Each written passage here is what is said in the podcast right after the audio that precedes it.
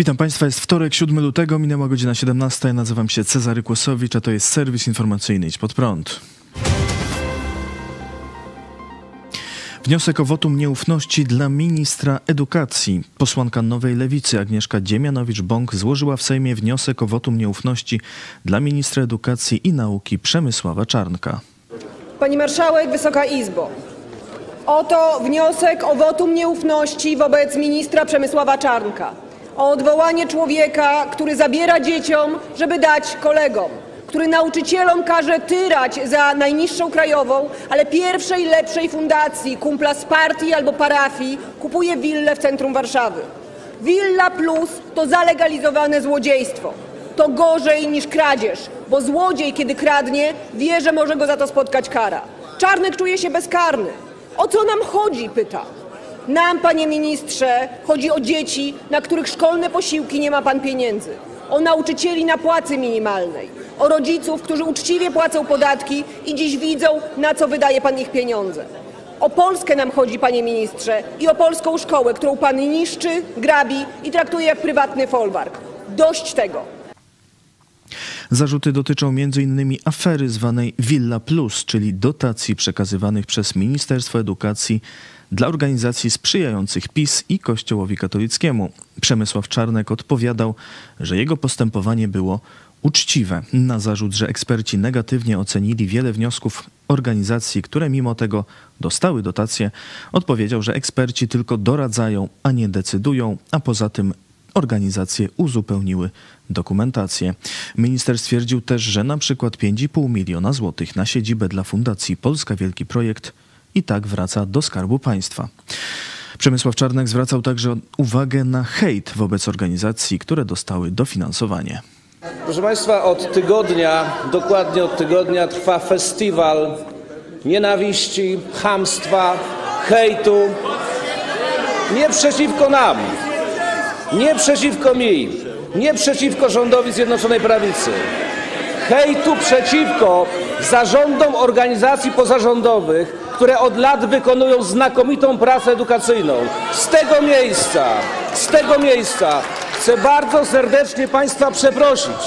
Zarządy czterdziestu kilku organizacji, hejtowane niemiłosiernie, pod adresem ludzi z tych zarządów, z tych organizacji, płyną groźby karalne na mediach społecznościowych, płyną groźby w TVN-ie, płyną groźby z waszych ust. Szanowni Państwo, bardzo Was przepraszamy. Będziemy dalej budować społeczeństwo obywatelskie i prosimy Państwa o to, żebyście dalej z nami byli. Bardzo Was przepraszamy za ich hejt. A teraz, proszę Państwa, żądam od Was, nie macie prawa mierzyć nas swoją brudną, nieuczciwą miarą. Nie wszyscy są, nie wszyscy są tacy jak wy. Nie wszyscy są tacy jak wy. Powiedzmy, że część z tych organizacji przynajmniej robi coś dobrego. I ja w to jestem w stanie uwierzyć. Tylko teraz tak. Jak się tego hejtu pozbyć? Towarzyszu Czarnek, przecież ty wiesz doskonale. No głupi nie jesteś. Wystarczy nie rozdawać pieniędzy. Przecież jak zaczniemy rozdawać pieniądze, to będzie hejt jednych na drugich. To jest oczywista oczywistość. Socjalizm powoduje nienawiść tych grup, które są uprzywilejowane przez socjalistów, na rzecz tych grup, które są wyzyskiwane. Minister Czarnek, że tak powiem, nie cieszy się popularnością wśród nauczycieli i y, sam się o to prosi, właśnie tą swoją butą, arogancją, taką, taką właśnie pyszną postawą. Bardzo źle jest postrzegany przez uczniów, to, to jest oczywiste. I, I, właśnie dziwi mnie ta obrona. No, wiadomo, jest to wytłumaczenie nacisków y, z kręgów kościelnych, ale to jest tak krótkowzroczne patrzenie, że, że aż mnie to przeraża, że politycy, którzy stoją na czele naszego, naszego państwa, na czele rządu i, i, i prezydent, dla takiej postaci i, i, z powodu takich nacisków ryzykują no, całkowite odwrócenie się młodzieży od, od tego, co ważne. Odrzucenie edukacji jako, jako wartości, odrzucenie chrześcijaństwa czy, czy odrzucenie patriotyzmu, bo do tego prowadzi właśnie taka postać jak, jak Czar. Takie sytuacje sprawiają, że ja doskonale wiem, jaka jest proweniencja mentalna e, tego obozu, który sprawuje władzę. To, to jest mentalność małych kombinatorów, e, mentalność drobnych złodziejaszków. E, ludzi, którzy sięgają po, po, po, po cudzą własność. Musimy jak najszybciej pozbyć się tych ludzi, bo po prostu Polski nie stać na to, e, żeby jeszcze przez tydzień, przez miesiąc, e, przez e, jakiś najbliższy czas ci ludzie sprawowali w Polsce władzę. No niestety naprawdę trzeba się modlić, tak, żeby stąpił duch i o, odrodził rzeczywiście oblicze tej ziemi po wakacjach tej ziemi, bo po prostu naprawdę pójdziemy z torbami. Tymczasem w mediach nagłaśniane są kolejne afery z rozdzielaniem publicznych pieniędzy. Pierwsza sprawa z kolejnych maili Michała Dworczyka ujawnionych przez serwis Połówna Rozmowa wynika z nich, że politycy rządowi kupowali sobie wsparcie narodowców przed wyborami. Maile pochodzą z czasu tuż przed drugą turą wyborów prezydenckich w 2020 roku. Wątek nosi tytuł Fundusz Patriotyczny Narodowcy propozycja strategii działań. Pierwsza wiadomość. Nadawca Piotr Mazurek, szef gabinetu politycznego ministra kultury. W mailu do Mateusza Morawieckiego i Michała Dworczyka opisuje koncepcję działań związanych z ogłoszeniem prac nad Funduszem Patriotycznym, która konsumuje propozycje pana premiera oraz postulaty partnerów społecznych. Jakie to postulaty? 20 milionów złotych rocznie na powołanie Funduszu Patriotycznego oraz 30 milionów złotych na utworzenie Muzeum Romana Dmowskiego. Michał Dworczyk skomentował te propozycje tak.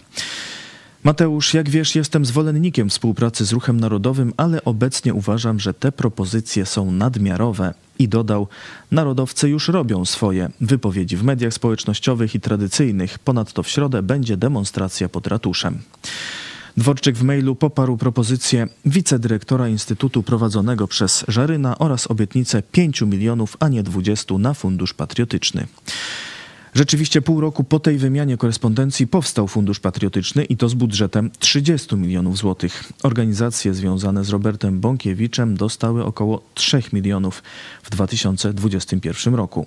Stowarzyszenie Straż Narodowa uzyskało 1 700 tysięcy złotych na projekt Bezpieczeństwo i profesjonalizm w trakcie organizacji i przebiegu wydarzeń patriotycznych i religijnych, warunkiem koniecznym w utrwalaniu tożsamości kulturowej a Stowarzyszenie Marsz Niepodległości 1 300 tysięcy na zadanie Marsz Niepodległości Nowoczesność i Tradycja. Ponadto fundusze dostały organizacje, w których władzach udzielają się członkowie zarządu Stowarzyszenia Marsz Niepodległości. Stowarzyszenie Młodzież Wszechpolska dostało 100 tysięcy złotych na opracowanie historii Młodzieży Wszechpolskiej, a Fundacja Dobrej Rady 250 tysięcy złotych na budowę Centrum Formacji Patriotycznej. Ale to nie wszystko. Organizacje narodowców wspierających PiS dostały też środki z Narodowego Instytutu Wolności. Na przykład Stowarzyszenie Roty Marszu Niepodległości w 2021 roku dostało ponad 380 tysięcy złotych na budowę zaplecza fundraisingowego Rot Marszu Niepodległości oraz niemal 300 tysięcy na wsparcie aktywności wolontariackiej w organizacjach obywatelskich a Stowarzyszenie Marsz Niepodległości prawie 200 tysięcy na projekt Media Narodowe Warszawa Obywatelski Portal Lokalny. W 2022 roku poszły kolejne dotacje z Funduszu Patriotycznego. Na przykład Stowarzyszenie Marsz Niepodległości dostało 400 tysięcy na rozwój bezpieczeństwa i możliwości organizacyjnych, a Straż Narodowa 450 tysięcy na modernizację ośrodka i wsparcie dla uchodźców. Kolejną ciekawą dotację opisuje Rzeczpospolita i również chodzi o Fundusz Patriotyczny, który podlega ministrowi kultury Piotrowi Glińskiemu. W zeszłym roku 430 tysięcy przyznano Fundacji Wiara i Tradycja. Dotowany projekt to promocja i edukacja w zakresie postaw patriotycznych, narodowych i katolickich na bazie organizowanych plenerowych projekcji filmowych i internetowych.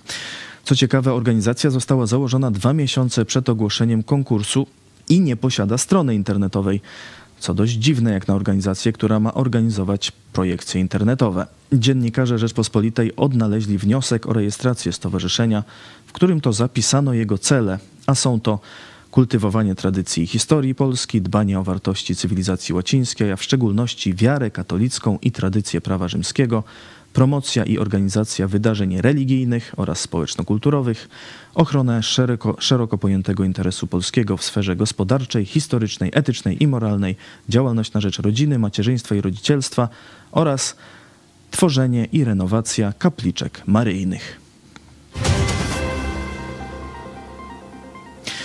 Michail Saakaszwili pozostanie uwięziony. Sąd w Tbilisi odrzucił wczoraj wniosek o wypuszczenie go na wolność w związku ze stanem zdrowia. Były prezydent Gruzji stwierdził, że posiedzenie gruzińskiego sądu okazało się kompletnym żartem.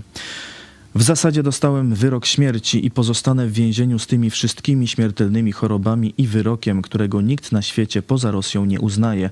To nie przypadek, że Ławrow chwalił gruziński rząd kilka razy w ostatnich tygodniach i jeszcze atakował mnie. Putin obiecał powiesić mnie za jaja i wygląda na to, że dokonuje tego przez swoją marionetkę rosyjskiego oligarchę Iwaniszwilego, napisał Saakaszwili. Bidzina Iwaniszwili to przywódca rządzącej w Gruzji koalicji Gruzińskie Marzenie. W innym wpisie Michail Saakaszwili stwierdził, że jest osobistym więźniem Putina. Jak napisał, z jego rozkazu zostałem otruty, torturowany i wyśmiewany, ale koniec Putina i jego imperium jest tak blisko jak nigdy. Musimy się trzymać, moi kochani. Według najnowszych informacji ponad 5 tysięcy osób zginęło wskutek wczorajszych trzęsień ziemi w Turcji i Syrii. Rannych zostało ponad 20 tysięcy osób. Ciągle trwają poszukiwania ocalałych pod gruzami zawalonych budynków. Na miejscu pracuje także ekipa polskich strażaków ratowników.